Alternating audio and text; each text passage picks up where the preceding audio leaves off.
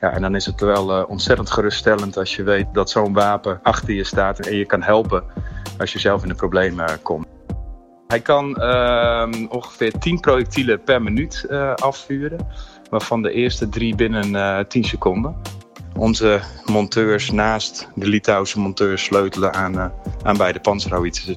Wij kunnen er niet als grondeenheden van uitgaan dat de vliegtuigen of de helikopters altijd beschikbaar zijn. Het betekent dat wij in een, een heel groot uh, gevechtsveld kunnen steunen. Ja, dus dan kun je echt, echt weer eens op de mat uh, komen zoals, uh, ja, zoals je dat eigenlijk wil beoefenen. Welkom bij Mijn Missie, de wekelijkse interviewserie van Landmacht FM. Mijn naam is Patrick Regan.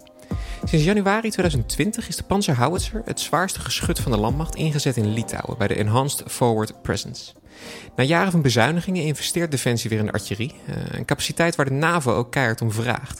Het is een flinke omslag dus voor, voor die eenheid.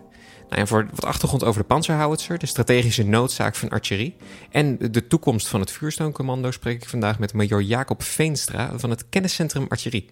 Welkom, Jacob. Dankjewel, Patrick. Ik ga gewoon beginnen met ja, zo'n panzerhowitzer. Het kan 50 kilometer uh, uh, schieten. Um, toen ik hem voor het eerst zag, ik, ik zei dit is gewoon een boot. Het is zo'n gigantisch ding, dat kon ik niet omvatten. De loop is gigantisch. En, daar ben ik eigenlijk heel benieuwd. Kun jij je nog herinneren toen je dat ding voor het eerst afschoot? Hoe het dan is om daarin te zitten? Ja, nou, ik, ik ben zelf niet, uh, uh, ik heb niet zelf in de Panzerhowitzer gezeten. Ik ben uh, wel commandant geweest van een eenheid van de Panzerhowitzer. Ja, en dat is gewoon enorm indrukwekkend als je dat, dat gevaarte ziet. Ehm, ja, ik beschrijf hem zelf altijd maar als het grotere broertje van een tank. Um, alleen schiet deze dan inderdaad met een boogje en enorme afstanden. En ehm, ja, gewoon vooral heel erg indrukwekkend. Om dan heel bazaal te beginnen voor de mensen die echt geen flauw idee hebben wat is artillerie en wat is de panzerhowitzer? Ja, uh, nou de panzerhowitzer, hebben, wat ik net zei, is uh, eigenlijk gewoon een, een, tank. Het grote verschil met een tank is een tank uh, schiet op, op doelen wat hij ook daadwerkelijk kan zien. En artillerie en, en dus ook de panzerhowitzer is een middel die indirect schiet. Dus dat betekent dat wij zelf de doelen niet zien. Daarvoor zijn we afhankelijk van nou, zogenoemde waarnemers. Het zijn ook jongens en meiden van de artillerie die bij infanterie-eenheden zijn uh, ingedeeld. Die zien daadwerkelijk het doel. En dat kan dus tot nou, 40, 50 kilometer ver uh, zijn. En wij schieten daarop. Wij uh, schieten daarmee projectielen van, bij de panzerhowitzer van 155 mm. Dus dat zijn flinke bommen. Die zijn zo'n 40 kilo zwaar. En die schieten we dus uh, heel ver de lucht in en met, uh, met een boog um, schieten wij die uh, in het voorterrein. Want wat ik me wel altijd heb afgevraagd, dat 155 mm, wat betekent dat nou precies? Nou, dat betekent de, de breedte van het projectiel is 155 mm en dus ook de diameter van, van de schietbuis. Dus zo'n dikke 15 centimeter breed. En ehm, nou, in totaal kunnen de projectielen, ze hebben wat verschillende lengtes, maar kan oplopen tot bijna een meter als je een uh, volledig projectiel hebt. En, uh, en uh, behoorlijk grote jongens zijn dat dus. en die, die, die, ja, de mensen die het, het, het, ding besturen, hoe ziet de bemanning van zo'n van zo'n eruit? Volgens mij zijn het vijf mensen toch die erin zitten? Dat klopt, er zitten vijf mensen in. Ehm, daar zit een, een commandant bij. Um, daar zit een uh, richter uh, bij, daar zit een uh, chauffeur in en er zitten twee laaders bij, en, munitiewerkers noemen we dat. Eentje van hen doet daadwerkelijk de munitie ook laden. En de andere persoon die staat bovenuit, daar zit een, een mitrailleur op en die is bedoeld voor, ja dat noemen we dan nabijbeveiliging. Dus alles wat er in de directe omgeving van de panzerhouter zou kunnen gebeuren, nou die houdt daar een oogje in het zeil. Hoe ziet dat er dan, dan in het, in het militair optreden uit, zeg maar? Want je, je zegt wel, je schiet op doelen die je zelf niet ziet. Dus ik neem aan dat er in het voorterrein ook iemand moet zijn die je, die je vertelt waar je op moet, op moet schieten. Ja, dat klopt. Dat, dat zijn dus die, uh, die waarnemers die uh, bij de infanterie ingedeeld hebben. Die zijn uh, uitgerust met ja, hun belangrijkste wapen is eigenlijk een radio waarmee ze in contact staan met ons. Um, wij staan iets verder naar achteren toe. En uh, ondersteunen daarmee het, mee het gevecht. En uh, we zien daarin een enorme belangrijke taak voor ons. Veel mensen denken vaak als we in een groot gevecht zitten, dat het dan de manoeuvre, de infanterie en de, en de tanks met name tegen elkaar vechten. Maar eigenlijk is het, ja, het gebied al veel verder. We noemen dat het, het, het diepere gevecht. En daar kunnen wij enorm veel voordeel bereiken. Want we zien steeds meer in, in huidige conflicten dat ja, eerder in het gevecht en op grotere afstand eigenlijk al het grootste werk gedaan wordt. En daar zijn wij een, een essentiële stap in. Kun je daar iets, iets dieper op ingaan, hoe dat er dan uitziet? Wat kun je eigenlijk bereiken in dat diepe gevecht?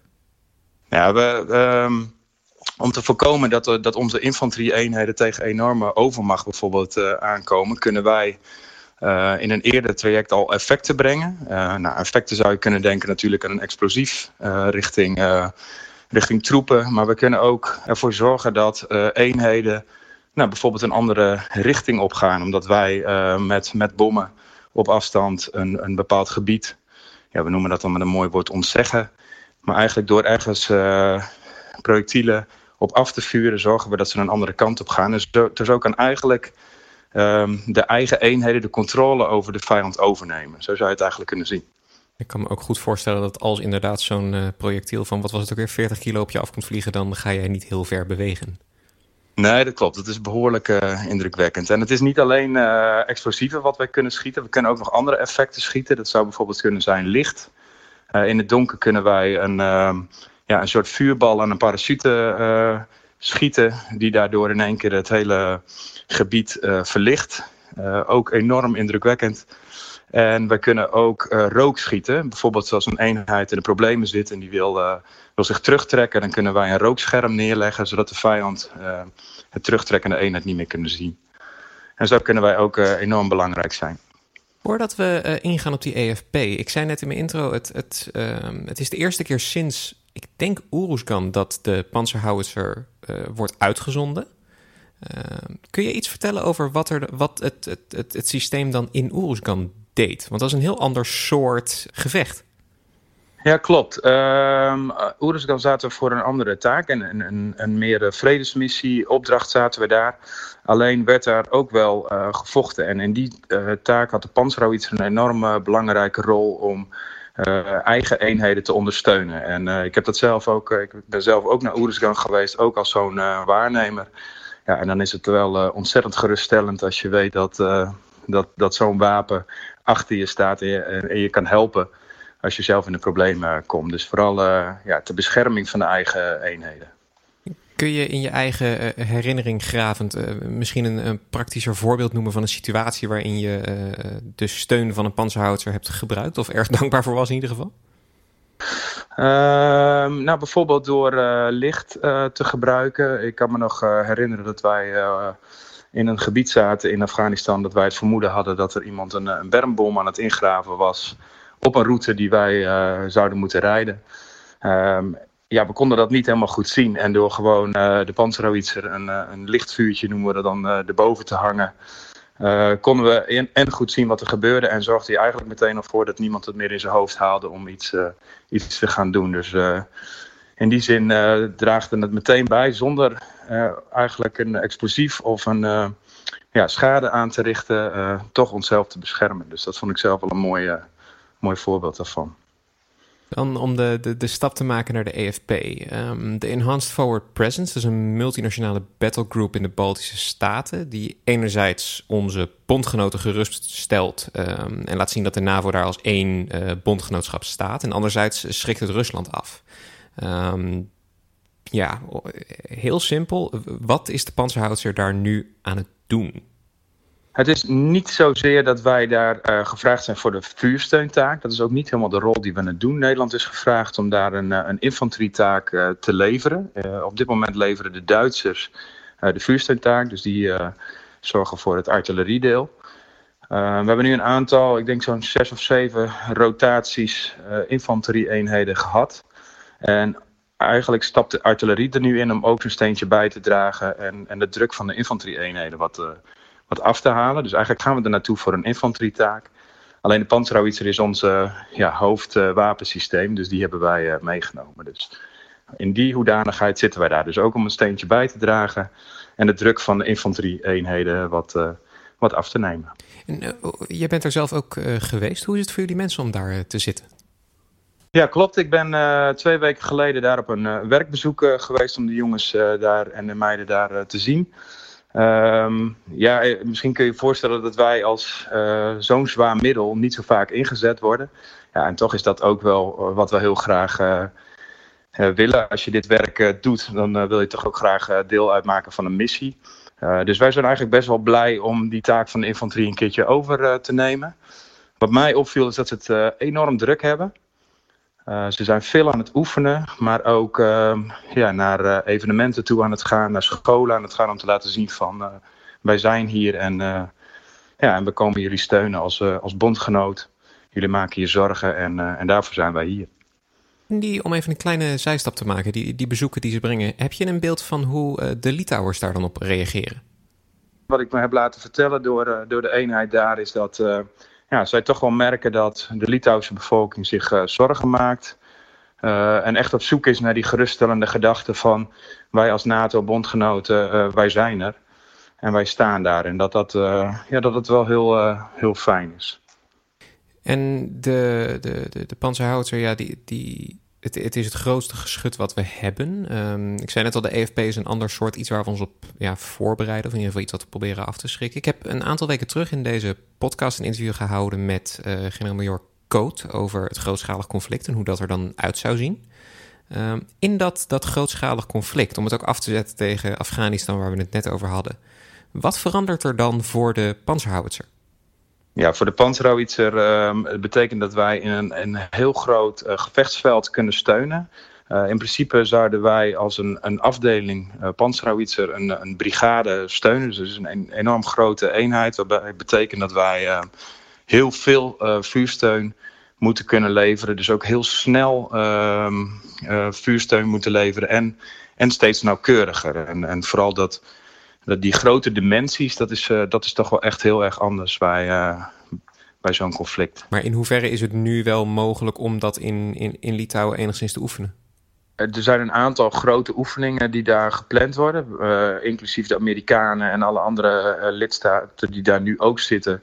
Die oefenen daar met z'n allen. En, en juist dat je ook een Amerikanen erbij krijgt. Ik geloof dat een van de oefeningen tot 20.000 man gaat. Dus dan kun je echt, echt weer eens op de mat uh, komen zoals, uh, ja, zoals je dat uh, eigenlijk wil beoefenen. Als je het dan hebt over snel en precies, hoe, hoe snel vuurt een panzerhouder en hoe precies kan dat dan? Ja, um, de, nou, hij kan um, ongeveer 10 projectielen per minuut afvuren, waarvan de eerste drie binnen 10 seconden. en dat is, dat is op het gebied, ondanks dat hij al een, een, tiental jaar oud is, uh, nog steeds is een van de allersnelste en meest geavanceerde wapensystemen op, op dit gebied. Uh, hij kan zelf 60 bommen in zijn, zelf meenemen in een bunker die in de, in de zit. En, en daarna zou hem door bij te kunnen laden ehm, nou, nog, nog door kunnen gaan. Hij schiet dus over ruim 40 kilometer en tegenwoordig maken we ook gebruik van precisiegeleiding met, uh, met GPS-technologie. Waardoor we de bom uiteindelijk ook nog um, ja, de effecten zoals weersinvloeden, zelfs een stukje draaiing van de aarde als de bom anderhalve minuut onderweg is. Uh, om dat soort onnauwkeurigheden eruit te halen, gebruiken we GPS-geleiding om uiteindelijk binnen zo'n 10 meter nauwkeurig te kunnen komen. In dat um, grootschalig conflict, de panzerhowitzer staat verder naar achteren en kan uh, vanaf daar effecten bewerkstelligen. Ja, ik kan me voorstellen dat een van de dingen die wij als vergelijkbaar hebben, is bijvoorbeeld een helikopter of een, uh, een jachtvliegtuig, de F-35. Ja, Wat klopt. maakt dan um, dat, de F, of dat de panzerhouder in sommige situaties misschien beter is of, of minder goed is um, dan al dat vliegende materiaal wat we hebben? Ja, en um, dat, dat, dat is ook wel gebleken dat uh, de helikopter, de Apaches met name, en ook uh, de gevechtsvliegtuigen voor een heel groot deel uh, dat ook ingevuld hebben. Zij kunnen dat. Alleen ook zij zijn net als ons een enorm schaars middel. die in een grootschalig conflict ook voor andere zaken ingezet kunnen worden. Wij kunnen er niet als, als grondeenheden van uitgaan dat, dat de vliegtuigen of de helikopters altijd beschikbaar zijn. Dus we moeten onze eigen broek op, op kunnen houden, dat sowieso. Um, en naast het feit dat een, uh, ja, een vliegtuig is toch ook wel kwetsbaar, ook kwetsbaar voor weersinvloeden. Wij kunnen schieten onder uh, alle weersomstandigheden. Um, en uh, eh, 24-7 lang. Dus wij kunnen um, op een gegeven moment zal een vliegtuig weer terug moeten om opnieuw te tanken. Wij kunnen wel door blijven gaan. Dus dat is ook een enorm voordeel. En ja, onze bom die komt uit de lucht vallen. En je hoeft niet een kwetsbare piloot ja, boven een doel neer te hangen met, met alle risico's van dien. Dus dat zijn toch wel grote voordelen voor, voor de inzet van artillerie. Ik kan me inderdaad voorstellen dat jullie op een bepaalde manier wat, ook wat robuuster zijn misschien dan spul wat door de lucht heen moet. Um, ja, eh, dat heeft natuurlijk ook een nadeel. En dat is wel dat uh, vliegtuigen over het algemeen ook weer verder kunnen komen. Uh, bij ons houdt het dan wel op tot een uh, 40 kilometer. Maar bijvoorbeeld door raketartillerie zou je dat, uh, dat gat ook uh, kunnen opvullen. Als we het uh, hebben over die, die, die EFP. Um, het is een NAVO-missie. Ik, ik zei net al, Nederland heeft enigszins bezuinigd op, op artillerie. Terwijl artillerie is nu ook iets waar de NAVO heel erg expliciet om vraagt. ja, klopt. De NATO die vraagt er heel specifiek over. En, en ehm, op alle landen, in, in, we merken dat daar enorm op bezuinigd is. die projectielen zijn natuurlijk best wel duur.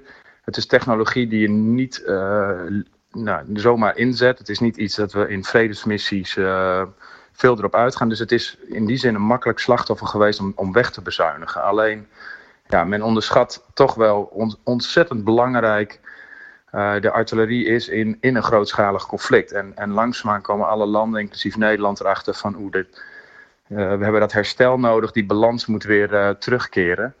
Nou, om je een vergelijking te maken, we moeten dan één zo'n brigade kunnen ondersteunen. Daar hebben we nu de middelen voor. Maar Nederland heeft drie brigades. En dan hebben we ook nog de mariniers. Dus eigenlijk hebben we nog geen derde van wat we zouden moeten leveren. En dan ook nog richting de NATO zouden we nog verder uh, willen en moeten groeien. Dus uh, ja, de balans is, uh, is op dit moment uh, aardig verstoord.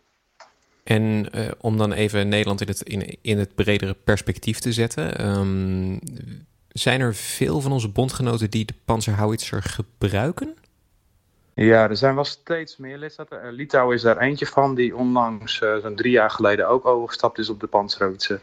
Uh, Duitsers hebben, hebben natuurlijk ook de Panzerhowitzer, ook daar doen wij veel samenwerkingen mee. En zo zijn er nog een aantal landen, waaronder Hongarije, die recent overgegaan is. En, en nog een paar die ik zo, zo even niet weet. En als ik, het zo, als ik het goed begreep, dan kijken de Litouwers ook enigszins over onze schouder mee in, in Litouwen nu. Ja, ja, dat klopt. Um, en dat is wel het hele mooie van deze missie. We hebben dan, ondanks dat we er niet zitten voor een vuursteuntaak, toch de Panzerhowitzer meegenomen. Uh, en we merken dat dat een hele mooie samenwerking met, uh, met uh, Litouwen doet. Wij hebben dus al, al 14 jaar lang de Panzerhowitzer en daarbij ook operationeel ingezet in Oeruzgan. Nou, en zij hebben hem nu drie jaar en je merkt gewoon dat er... Nou, dat ze in die zin tegen ons opkijken en wij heel mooi met hun kunnen samenwerken. Hun um, heel erg geïnteresseerd zijn in onze lessen, kennis en ook optreden. Nou, een mooi voorbeeld daarvan is dat hun technisch personeel nog niet zo bedreven is in de, in de nou, mogelijke storingen en technische uh, dingen aan de panzerhouwitsen, dat nu onze monteurs naast de Litouwse monteurs sleutelen aan, uh, aan beide panzerhouwitsen. Dus een mooie uitwisseling van, uh, van kennis. Dan uh, kan het in een oefening soms ook mooi zijn als er een klein uh, foutje hier of daar uh, gebeurt, zodat we daar ook weer van kunnen leren. Ja, precies. Um, ik wilde je vragen naar de toekomst van de panzerhouder, maar daarvoor wilde ik eerst een klein beetje uitsteunen, uitzoomen naar het vuursteuncommando als geheel. Want um, artillerie is meer dan alleen die panzerhouder. Um, wat hebben wij in, in, in, Nederland? Wat hebben we binnen de landmacht? Nou, wij hebben op dit moment hebben wij ook mortieren. Mortieren zitten vallen ook onder de artillerie en onder de vuursteun. Uh, die zijn uh, deels ingedeeld bij de infanterie-eenheden, dus die hebben ze zelf ter, uh, ter beschikking. We hebben binnen de 41ste afdeling, waar dus de panzerhouwitzer zit, hebben we ook één batterij, dus een compagnie aan mortieren. 120 mm zijn dat, die kunnen weer iets verder, iets zwaardere middelen. Um, en dan de panzerhouwitzer hebben we dan voor, voor de grotere afstanden. Um, maar ja, dan missen we nog wel uh, een aantal capaciteiten. Ja, dan moet ik hem toch stellen, die capaciteiten die we missen. nee, klopt. Uh, nou, je zou het eigenlijk kunnen vergelijken dat, we, dat om de infanterie heen zou je ringen kunnen, kunnen trekken. De, de, nou, heel dicht bij de infanterie tot een, tot een kilometer of acht uh, is het de bedoeling dat ze zichzelf redden met de mortieren die ze zelf in de eenheid hebben. Dan hebben we het over de 81 mm mortieren. Nou, iets verder daarbij, tot een kilometer of 12, hebben we dan 120 mm mortieren om, dat, uh, om, om, daar de effecten te brengen. Nou, dan komt de panzerhouwitzer voor het, voor het diepere gevecht tot zo'n 40 kilometer. En dan eigenlijk daarbuiten hebben we dan ook nog de capaciteiten nodig om tot 100, 150 kilometer te gaan. En dan nou, een, een middel die daar zou uh, kunnen helpen is bijvoorbeeld raketartillerie, is een van de systemen uh, waarnaar gekeken wordt. Daar is uh, voorlopig nog geen financiering voor. Maar ja, dat zijn wel de middelen om, om ook verder die capaciteit in te, in te kunnen vullen. En dat is ook waar, waar NATO heel erg naar op zoek is. En, waar zijn wij dan zelf nu op korte termijn, zetten we zeg maar het meest op in? Is het die raketartillerie of willen we de panzerhoudercapaciteit uitbreiden? Um, nou, dat zeker. De panzerhouwitsercapaciteit uh, is ook financiering voor gevonden om zes extra uh, bij, bij de afdeling te krijgen. Er wordt dit jaar een extra batterij, de Delta-batterij, opgericht, waarbij die zes batterijen, of zes panzerhouwitsers uh, bij zullen komen. Dus dat is al een eerste stap uh, naar groei. Um, en de, ja, de stappen die we willen maken is vooral in de breedte groeien. He, zoals ik al vertelde over de verschillende brigades die we moeten ondersteunen, moeten we gewoon in de breedte extra doen. En verder kijken we altijd naar manieren om, uh, om verder te kunnen schieten, nauwkeuriger, zoals bijvoorbeeld die GPS-technologie. Um, en ook zijn we op zoek naar middelen zodat wij sneller door de cyclus heen kunnen gaan. Dus dat je uh, dus het moment tussen het zien van een doel, het doorgeven van het coördinaat totdat de bom eruit is, om, om dat steeds maar weer sneller uh, te kunnen krijgen. Dus dat zijn de zaken waar we op insteken. Als we het dan hebben over die technische updates.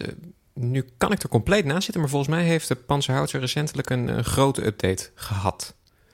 Um, nou, die gaat hij krijgen. Vanaf 2022 uh, staat het gepland dat de midlife update van, uh, van de gaat komen. Dan zit hij ongeveer op de helft van zijn uh, levensduur. Uh, we hopen hem tot 2035 ongeveer door te kunnen zetten. En om, om dat te kunnen gaan we vanaf 2022 de Panzerhauwitzers aan een hele grondige update geven.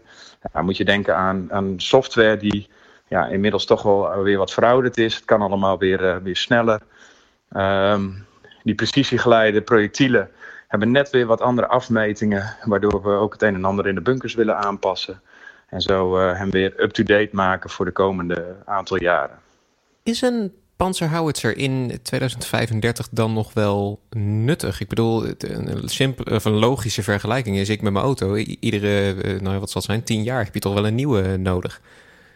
Ja, en, en dat zou ik niet zozeer weten. Ik kan natuurlijk niet in de toekomst kijken. Maar wat ik wel tot nu toe heb gezien in de afgelopen jaren is dat, nou, ondanks dat hij toch al zo'n 14 jaar oud is. En, en dat is op het moment dat wij hem hebben eh, gekregen. Uh, het nog steeds een van de meest geavanceerde uh, wapensystemen op dit gebied is. Dus op dit moment, ja, ondanks dat hij bijna halverwege zijn levensduur is, is het nog steeds state of the art. Um, je zei er straks 81 mm mortieren die horen eh, binnen de eenheid. Die heeft de eenheid als het ware zelf bij zich. Ja, klopt. Um, dan vraag ik me heel erg af hoe het dan werkt als een eenheid uh, een aanvraag doet voor een panzerhouwer. Vallen jullie dan niet onder die eenheid? Gaat dat via een andere lijn? Hoe werkt dat precies? Ja, dat zijn um, op, op hogere niveaus. Dus de panzerhouwitsers die staan dan uh, dedicated voor een brigade niveau. Dus die kan alsnog kiezen dat een bepaalde compagnie uh, de panzerhouwitzer steun uh, nodig krijgt. Alleen dat diezelfde compagnie die kan dat niet voor zichzelf uh, beslissen, dat ze de panzerhouwitzer ter beschikking krijgen. Um, maar om toch zeker te weten dat je je eigen um, inzetmiddelen heeft, heeft dus elke compagnie zijn 81 mm. Dus het is eigenlijk in een soort van gelaagdheid opgebouwd per eenheid van wie het de, desbetreffende vuursteunmiddel is. Nu heb ik heel vaak de term combat support gehoord. Kun je me enigszins uitleggen wat dat dan verder is? Want ik vind combat support is een term die heb ik in deze podcast best wel vaak gehoord. Maar het is ook een beetje een vaag begrip waarvan ik in ieder geval niet helemaal weet wat het nou precies is. Nee, dat kan ik me voorstellen. Het is voor ons ook altijd nog eh, een, een lastige. Uh, combat wordt in principe geleverd door de manoeuvre-eenheden, door de infanterie en de cavalerie. Uh, en de rest daaraan is ondersteunend. En wij zijn uh, een ondersteunend middel om ja, en eigenlijk vecht je samen als verbonden wapens, maar zijn wij wel ondersteunend in hun gevecht. Um, en daardoor wordt het nog steeds combat eh, service uh, genoemd, al is het wel wat veranderd de laatste tijd. En ik denk ook al eerder dan dat. Dat, dat je eigenlijk ziet dat de artillerie steeds en vuursteun in het algemeen een veel belangrijkere rol krijgt. Doordat ja, je wilt steeds meer controle op je tegenstander hebben. En dus uh, steeds dieper en verder en eerder al uh, ja, effectief kunnen zijn. Met name als je me dat laatste vertelt, dan denk ik dat de artillerie op dit moment ook wel een hele uh, toffe ja, eenheid is om bij te werken. Ja, absoluut. Uh, ik, ik, neem aan, ik, ik zei in het begin, je bent, uh, zit bij het kenniscentrum. Ik neem aan dat je uh, redelijk wat ervaring hebt. Je zei zelf al Afghanistan al gedaan, dus dan zit je er al een tijdje bij. Wat typeert nou de artillerie als eenheid? Oeh, dat is een lastige vraag. Wat typeert de artillerie als eenheid? Um, een eenheid die um, toch ook geacht wordt om gewoon mee te gaan met, met de manoeuvrevereniging. Je ziet dat we nu ook uh, de, de infanterietaak overnemen in, uh, in Litouwen. Maar tegelijkertijd ook met onder andere die panzerhouwitsen werken met ontzettend geavanceerd materieel. En, en juist die combinatie tussen nou, toch gevechtskracht leveren... maar aan de andere kant met hele hoogwaardige technologie om moeten gaan... ja, dat, dat maakt het toch wel een hele bijzondere vakgebied. En daarnaast uh, zitten onze artillerie mensen ook nog bij de infanterie ingebed uh, als die waarnemers. Wat eigenlijk maakt dat je ook heel, heel veelzijdig ja, werk kan gaan doen. Dus dat maakt het wel heel, heel mooi en avontuurlijk. Want ik denk dat het bij de artillerie is het meer een dingetje van een soort van vakmanschap. Het, het lijkt me wel veel lastiger werk ook. Ja, klopt. Ja, en ook ehm, de technologie, uh, ja, in die panzerhouwitsen vergelijken het wel eens met een F-16, maar dat is zo geavanceerd allemaal er binnenin. Dat je nu ook wel merkt dat de jongere generatie er ook gewoon makkelijker mee omgaat. Die meer gewend is aan computersystemen en, ja, en gaming. Dat, dat die het makkelijker oppakken.